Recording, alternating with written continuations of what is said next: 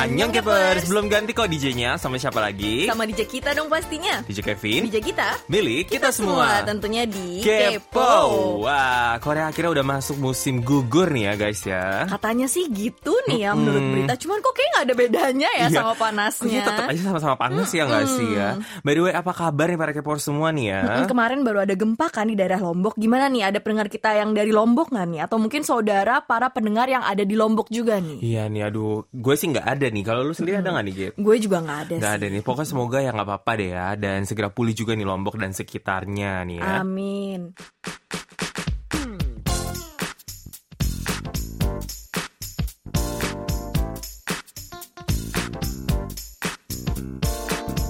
Kupas sudah berita terbaru. Bareng sama DJ kita di Info Celebrities. Hyuna dan Idaun mengonfirmasi bahwa mereka berdua berpacaran.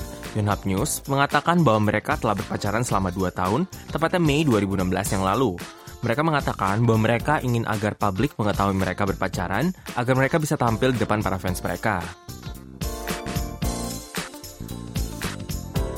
Di hari lain, Cube Entertainment membantah gosip hubungan antara member-member Pentagon yang lain. Yang pertama ada dari Hui Pentagon dan Jaidel Sujin sebelumnya pernah berpacaran sebelumnya, namun tidak lagi untuk saat ini. Sedangkan gosip hubungan antara Yuto Pentagon dengan Yin CLC dibantah, dan keduanya merupakan rapper di grup masing-masing.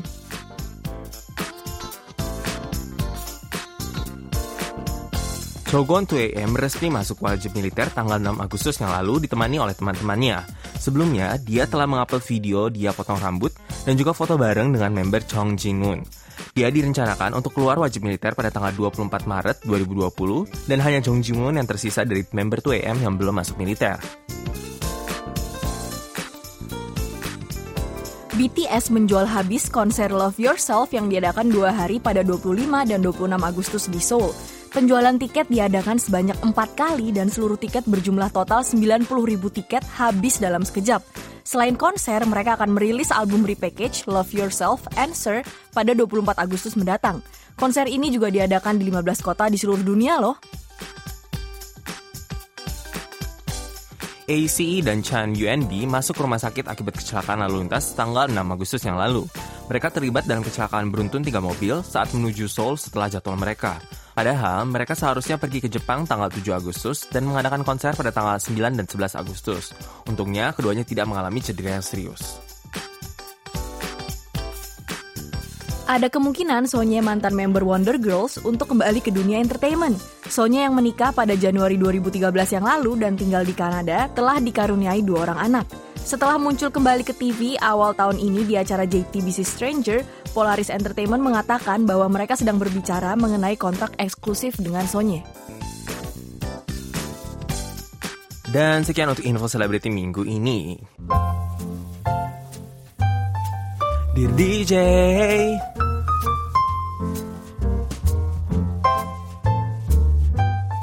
Oh, dear DJ, Nah, untuk Dear DJ minggu ini, kita kedapatan lumayan banyak nih email nih ya. Banyak ya Oke, langsung aja yang ini. pertama nih kita baca nih ya. Ada dari Hajra Zaira Zil nih ya. Dear DJ, aku mau curhat nih, boleh banget ya. Apa aku salah kalau ngambek sama orang tua? Soalnya kedua orang tua aku tuh terlalu posesif banget sama aku. Masa kemarin aku ke kampus ngurus masalah kampus. Terus ditelepon pas jam 2 bilang cepet pulang kalau udah selesai urusannya. Dan aku pulang jam 3 lewat, eh malah dimarahin. Bilangnya aku pergi jalan-jalan dan sebagainya. Buat aku ngambek soalnya aku nggak melakukan itu.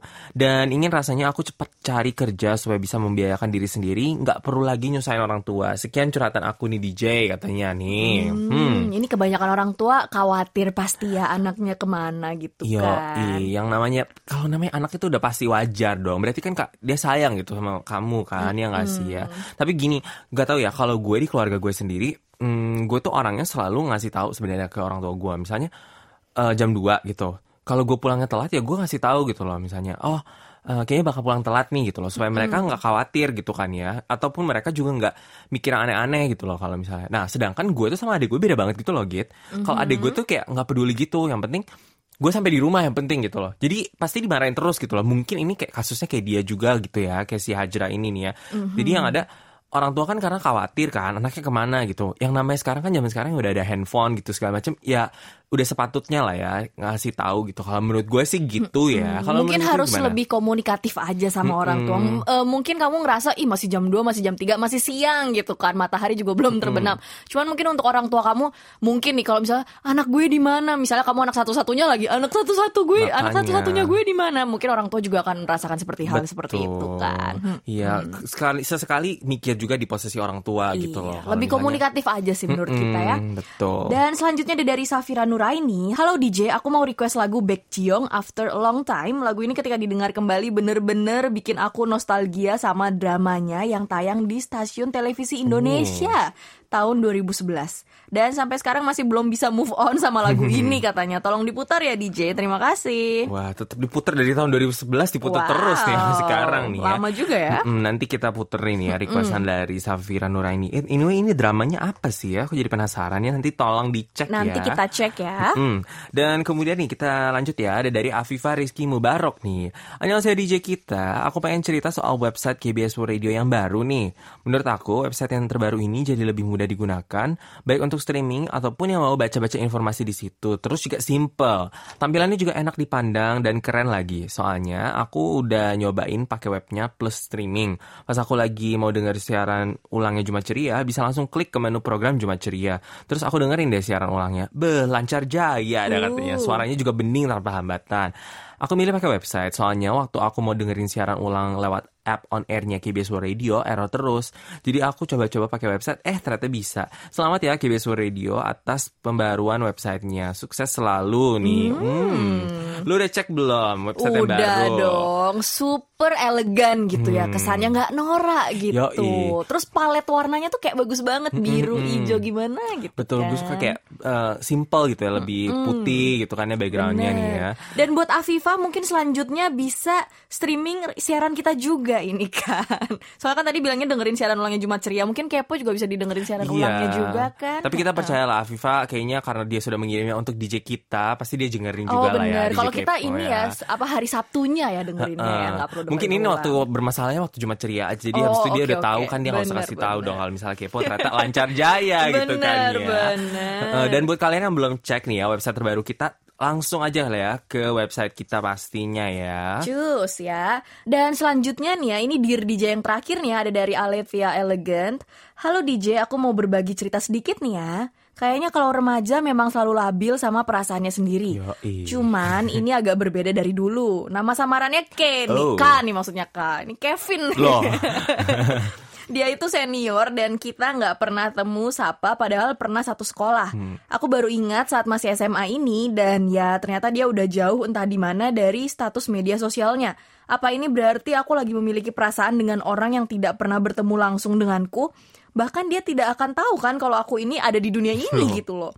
Namun aku berharap aja kita bisa ketemu suatu saat lagi dan ya aku berharap bisa bertemu langsung. Terima kasih banyak DJ yang kece katanya gitu. Oh, bilang DJ yang kece nih terakhirnya nih ya. Hmm, gimana nih ya?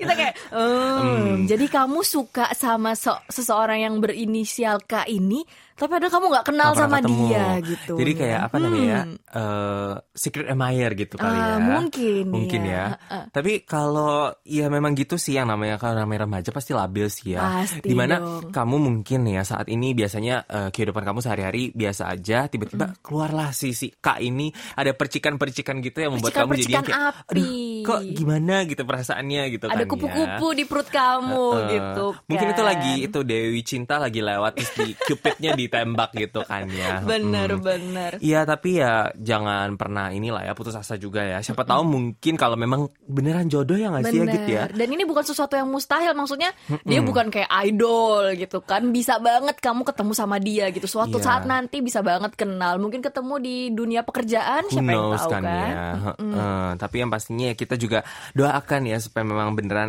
nggak jangan cuma satu sa- satu arah doang gitu Iya, cintanya semoga ya. dua arah nih ya.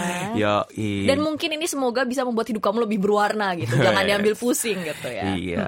Dan, Dan, sekian untuk diri DJ minggu ini. Oke, dan pasti jangan lupa untuk berpartisipasi minggu depan ya. Kita tunggu cerita-cerita menarik dari para K-popers. Kirim email lewat email kita indonesia at kbs.co.kr dan Facebook message kita ya pasti ya. Oh ya, dan kemudian ya, eh, mulai minggu ini kita akan ganti sistem pengundian tiap minggunya nih ya. Jadi buat kalian, semakin banyak kalian berpartisipasi, misalnya di DJ atau misalnya di laporan pemberian siaran ataupun kata kamu kata aku, kalian akan eh, dimasukin namanya sesuai dengan jumlah partisipasi kamu. Jadi kalau misalnya tiga-tiganya kamu ikut, berarti nama kamu ada tiga di situ. Jadi kemungkinan kamu untuk menang menjadi lebih besar lagi deh. Wow, jadi nggak random nih ya. Heeh. Wow, jadi semakin banyak partisipasi, semakin banyak kesempatan untuk menang. Jadi kita tunggu minggu depan ya email-email kalian semua pastinya ya. Benar sekali. Dan untuk laporan penerimaan siaran minggu ini kita bacain ada dari Okta Ayu Melia Widanti, Sinpo 55555, Sabtu 4 Agustus 2018, pukul 7 sampai 8 malam waktu Indonesia Barat, Jakarta Utara, via radio 102,6 MHz Cama Jaya FM. Siaran malming ini untuk area Jakarta Utara jernih dan bagus katanya. Terus gue lanjutin ya. Kalau menurut aku DJ, salah satu dampak kalau kita nggak pakai uang tunai bisa jadi bilang jadi kurang merhatiin pengeluarannya. Bener, bener. Hmm, karena kemu- kemudahan tinggal gesek sana sini bikin kamu jadi mau beli apa-apa aja gitu ya. Tapi lagi-lagi balik ke pribadi masing-masing ya DJ, cara menanggapi kemudahan transaksi itu. Bener banget nih. Dan yang terakhir seru banget denger cerita DJ Amel di pop-up store. Lucu juga ya emang kalau di Indonesia pada nginep di stasiun gitu kan. Tuh. Dan kita juga ada pengumuman terakhir nih ya. Untuk kalian yang dapetin survei pendengar, kalian bisa isi dan tolong foto. Kemudian langsung bisa di email ke email kita indonesia@kbs.co.kr juga ya. Dan kalian juga bisa fotokopi surveinya untuk dibagi-bagi ke pendengar, ke teman-teman kalian semua. Pokoknya ya intinya sebarkan sebanyak-banyaknya. Dan bisa dikirim sampai akhir bulan Agustus ini ya. Dan sekian untuk laporan penerimaan siaran minggu ini.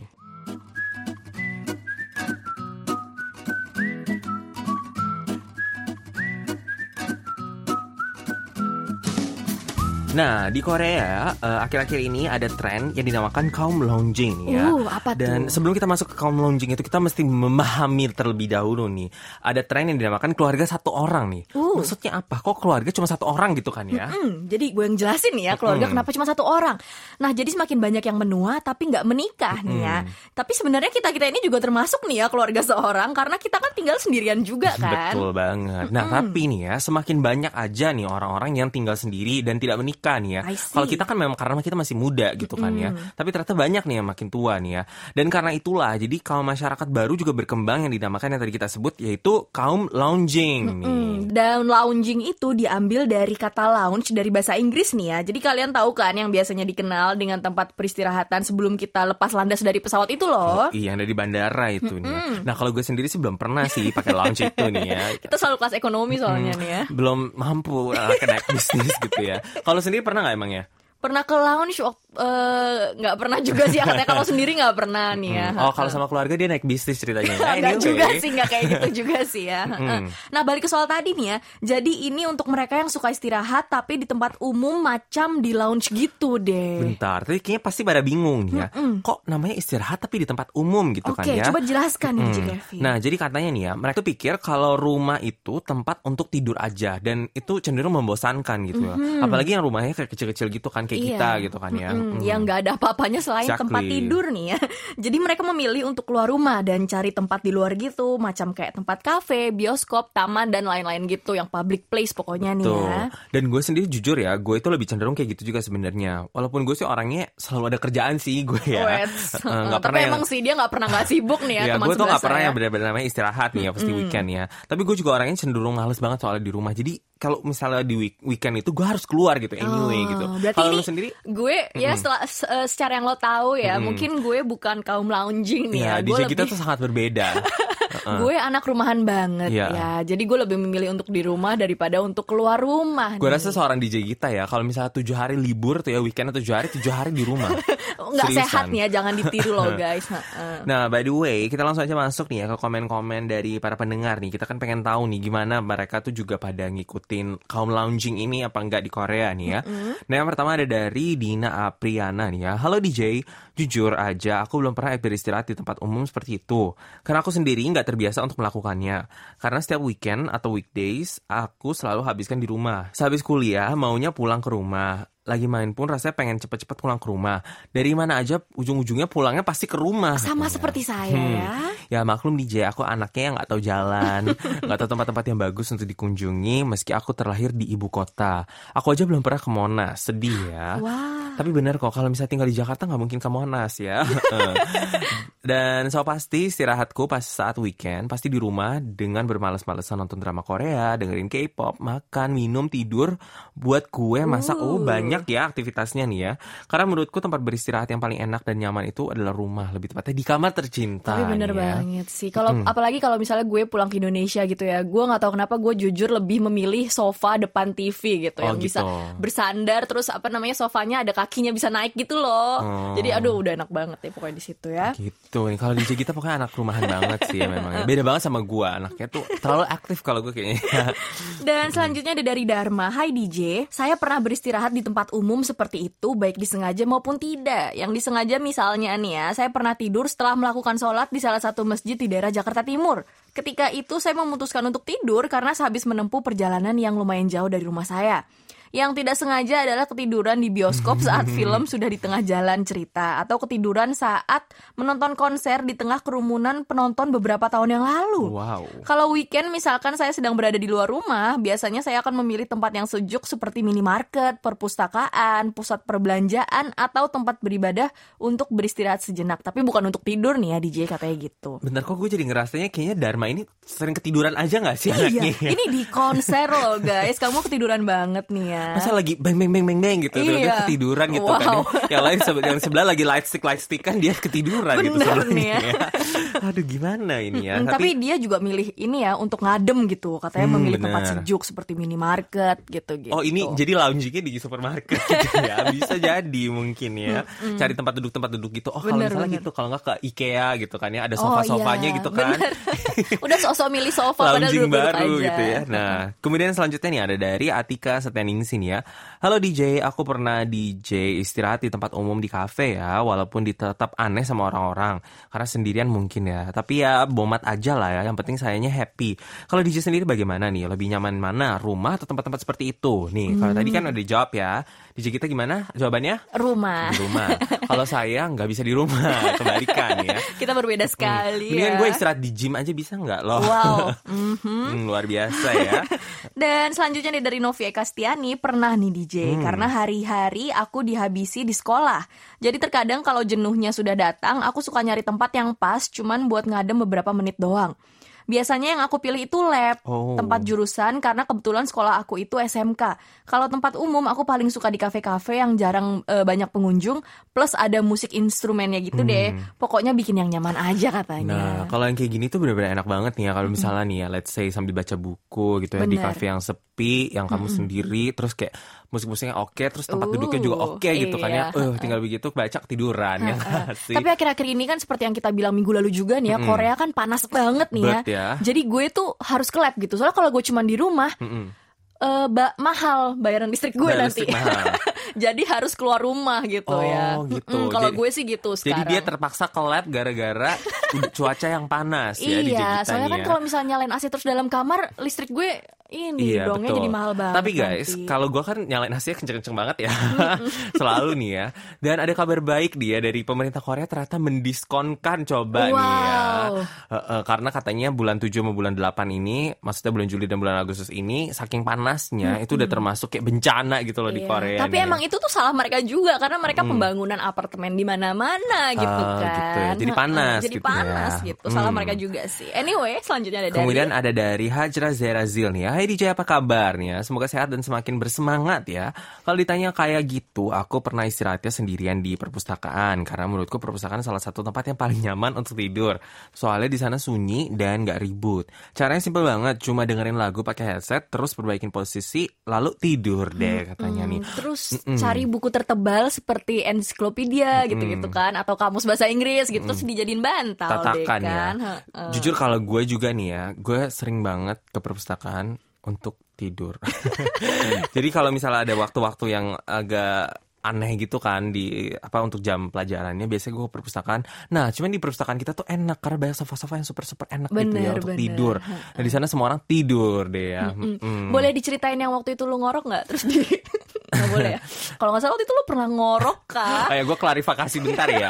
Jadi hari itu gue sangat capek ya kayaknya nih ya. Sebentar gue tuh nggak pernah ngorok orangnya guys ya. Jadi tiba-tiba tuh kayak gue katanya ketiduran terus tiba-tiba ada yang nyapa gue ada yang itu nyentuh gue gitu kan eh lu tidurnya berisik banget gue kayak jadi gue sampai ngorok gitu ya. ya mungkin hari itu gue sangat lelah Sampai ya ditegur tuh ya. Padahal Iya. itu lagi musim-musim ujian, semuanya mau belajar gitu dengan serius. Enggak sih Eh, kayaknya deh ya anyway. Ada bunyi ngoroknya DJ Kevin anyway. Ada dari Okta Ayu Melia Widanti pernah DJ. Kalau aku nih DJ ya, untuk beristirahat di tempat umum paling ke taman dekat rumah. Hmm. Kebetulan samping taman dekat rumah ada tanah kosong gitu nih, lagi diisi sapi buat kurban. Oh. Sekalian lihat sapi makan rumput ah gemes. Atau enggak ke perpustakaan DJ ya menghibur diri dengan tenggelam di dunia bacaan. Kalau untuk weekend sendiri, istirahat ala aku siapin cemilan yang banyak, terus biasanya naik ke atap rumah sambil nonton drama atau sekedar berdiam diri merenungi kehidupan di atas genteng rumah. Sekalian foto-foto pemandangan juga katanya gitu. Tapi kok kenapa ya? Kok gue malah, malah ini ya kayak seru ya baca ini ya. Terus kayak dengerin katanya naik ke atap rumah sambil Iya. nonton drama gitu. Kalau di sini tuh gak bisa gitu, nggak ada yang namanya atap-atapan seperti itu ya. Sebenarnya ada kalau ada atap gue mau sih, gue seneng karena gue mau tanning Oh. gratis ya. Mungkin lo bisa ini ngomong ke yang punya apartemen lo terus terus lewatin punya rumah dia nggak dulu gitu? gitu, ya. Iya. Heeh. dia rumahnya di lantai 4 soalnya yang Oh, paling paling atasnya. atas ya. Heeh, Oke. Kemudian yang selanjutnya nih ada dari Waluyo Ipdichman ya. Saya sendiri sering melakukan apa yang disebut kaum lounging nih ya. Maklumlah backpacker. Oh, paling lama menginap di area umum di KLIA dan stasiun-stasiun besar di Indonesia nih ya. Uh. Jadi sambil di stasiun-stasiun gitu kayak nge-lounge nge-lounge gitu ya. Ya seru nih ya. Ini kayak udah professional backpacker udah nih mungkin ya. udah tahu nih ya lounge Udah di sini biasa. enak gitu Mm-mm. ya. Dan selanjutnya ada dari Kuni Sangadati, beristirahat sendiri enggak sih DJ? Biasanya kalau perjalanan jauh sama keluarga. Nah, istirahatnya di rest area atau masjid. Hmm. Karena bapak yang menyetir sendiri, biasanya beliau yang cari tempat sendiri untuk tiduran, biar nggak diganggu adik yang belita. Tapi saya pengen banget sekali-sekali istirahat sendiri di pantai, atau taman, atau berendam kaki di sungai gitu, dengan semilir angin air terjun katanya. Wow. Wah, jadi pengen healing beneran nih DJ. Tapi sayangnya tempat wisata, jadi pasti rame nggak sih saat weekend kan? Terima kasih DJ, jadi beranda ini saya katanya gitu. Nah, tapi sebenarnya justru intinya dari kaum lounging ini adalah beristirahat di tempat-tempat yang rame kayak gini memang gitu. Karena mungkin terlalu jenuh sama di rumah gitu kan ya. Iya. Yang seperti tadi kita bilang, kebanyakan kita tinggalnya sendiri, masa kayak terus-terusan sendiri yang pasti yang namanya jadi kalau gua sih ya, kayak burannya itu apa ya? Kayak eh, perasaan Kayak was-was oh, gitu. was-was gitu kalau sendiri kayak gitu cemas ya. gitu kan. Jadi gue lebih ten untuk keluar rumah cari tempat yang rame gitu loh, di mana gue bisa beristirahat gitu. Apalagi kebanyakan orang Korea yang masih tinggal sendiri itu kan tinggalnya di tempat-tempat sempit gitu yang bener-bener cuman one room gitu Betul. kan one room dan kamar mandi ngeliatnya itu itu aja jadi Makanya. pasti mereka pengen ngeliat orang dan tempat yang lebih spacious yang lebih terbuka Hmm, gitu kan exactly. Nah kemudian selanjutnya nih ada dari Nurul Indra nih ya Pernah DJ Aku paling kabur istirahat ke tempat umum Kayak perpustakaan gitu DJ Udah nyaman, sepi, dingin lagi karena ada AC Sambil baca atau ya browsing-browsing gitu. Sambil download-download gitu ya Download video drama Korea Karena ada Iya, wifi-nya gratis ya. benar. Dan terus pernah juga sih beristirahat ke tempat lain. Nah dulu pas zaman SMA Malah ke lapangan basket Cari posisi enak deket pohon Sambil lihat ke lapangan basket di, gitu DJ Sejuk-sejuk nyaman gitu Sambil liatin yang lagi latihan basket nih. Uh. Maksudnya lagi liatin abas-abas gitu ya Abas, ya, nih ya Nih gue juga favorit gue tuh Abbas Oh, gitu ya Menikmati abas nih ya Iya kan seru tuh Anak kan marching band ya nih ya Nanti ngajak kenalan Wait, gitu kenalnya dari mana? Dari ini ya, dari ekskul gitu ya. Padahal padahal sekolah gue cewek cewek Oh, semua ya dulu ya. Ini semua waktu ya? SMP ceritanya. Waktu SMP. Mm-mm. Dan selanjutnya ada dari Dwi Budi Raharjo nih ya. Sebenarnya yang dilakukan karena situasi dan kondisi yang menuntut saat perjalanan jauh ke negara lain dan transportasi mengharuskan transit apa boleh ya terpaksa disiasati rehat di tempat umum seperti bandara. Tetapi saat ini bandara sudah cukup baik jadi nyaman aja kok katanya gitu. Nah bener banget nih katanya sih kalau dulu itu karena eh, bandara itu kan sebenarnya nggak enak untuk di untuk stay gitu kan ya Iya. makanya dibuat-buat lah lounging lounge lounge kayak gitu. Tapi sekarang kayaknya semakin berkembangnya eh, airport airport ini semakin enak juga sebenarnya untuk cuma stay aja di airport gitu ya nggak usah sampai pergi pergi ke lounge juga kan ya sebenarnya Nggak perlu bayar ya. lebih untuk ke lounge gitu ya. Hmm. Nah, udah banyak banget yang masuk kata kamu kata aku minggu ini. Terima kasih banget nih ya untuk partisipasi para pendengar Bener semua nih ya. Kita banget. tunggu uh, pastinya minggu depan juga nih ya. Mm, Dan sekian untuk kata kamu kata aku minggu ini. Tetap berpartisipasi pastinya minggu depan ya. Dan untuk yang beruntung minggu ini Adalah- adalah Waluyo Imt Dishman. Wow, Yeay. selamat ya. Dan jangan lupa untuk konfirmasi data diri kamu lewat email kita indonesia@kbs.co.kr atau papan umum website kita nih ya.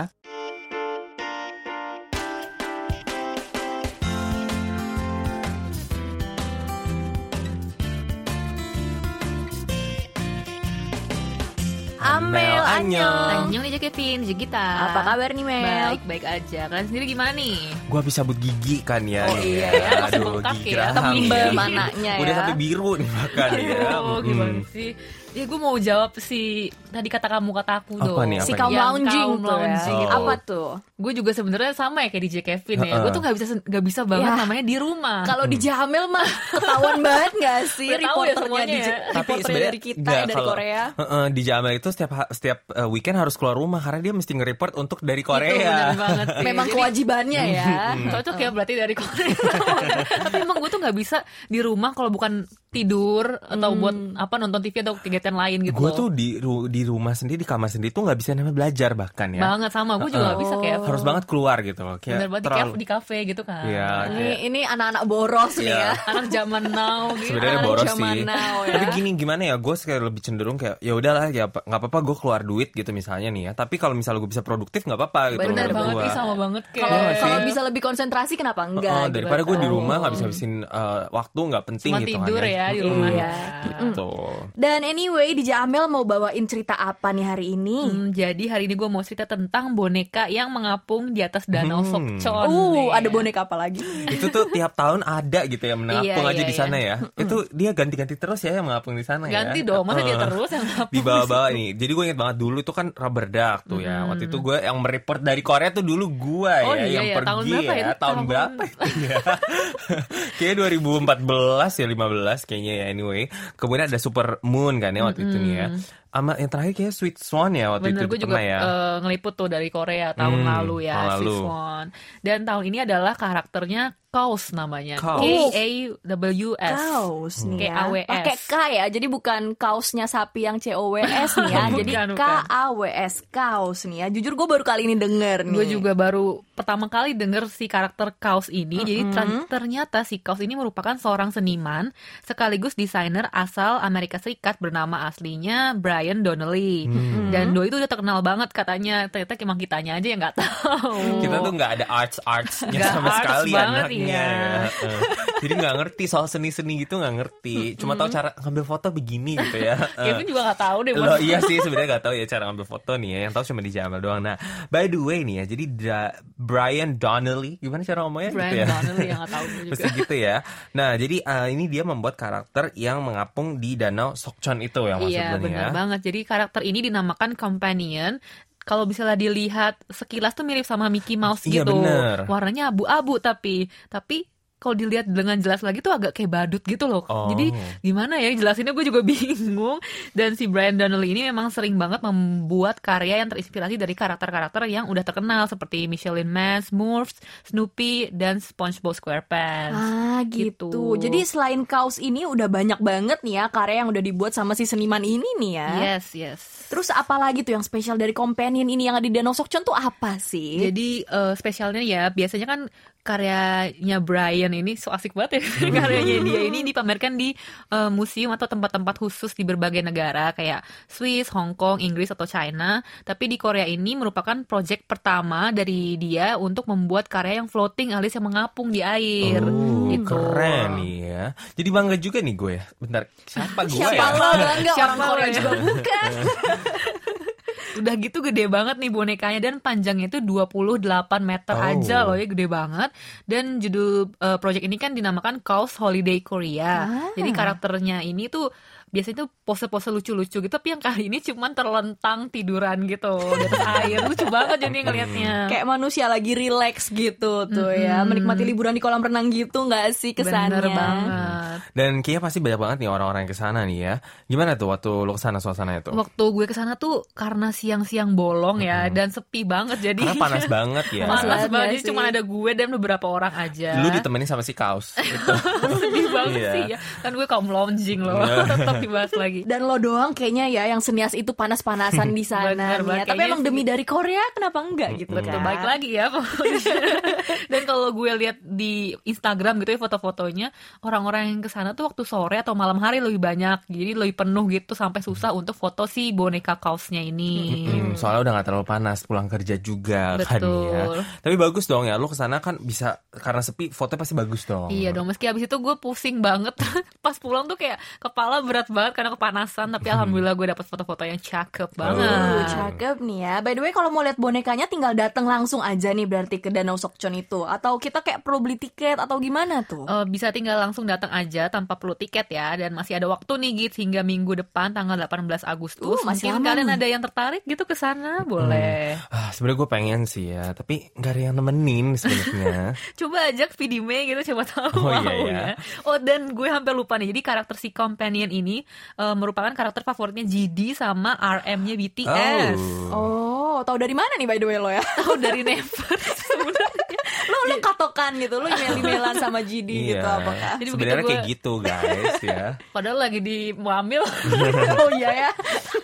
Jadi waktu gue lagi search tentang si kaos ini di Never, eh lihat ternyata si kolek si GD sama RM ini suka koleksi si Oh. sih patung-patung Oh. kecilnya si kaos ini. Oh, gitu. jadi mereka lebih artsy dari kita, GD dan RM. pastinya dong. Beda Git. ya. Udah kalau- tahu dari lama mereka. Beda ya kalau artis koleksinya yang unik-unik kayak gini. Kalau gue mah Ryan aja gitu.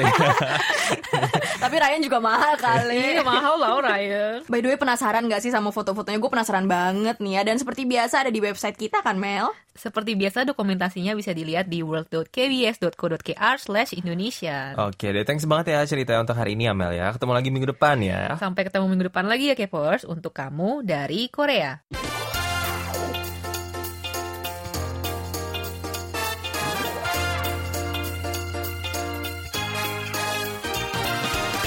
Makasih banget udah bersama dengan kita hingga penghujung Kepo malam ini. Dan jangan lupa untuk dengerin Kepo seperti biasa minggu depan. Sampai ketemu lagi minggu depan ya para Kepoers. Dan tetap Kepo!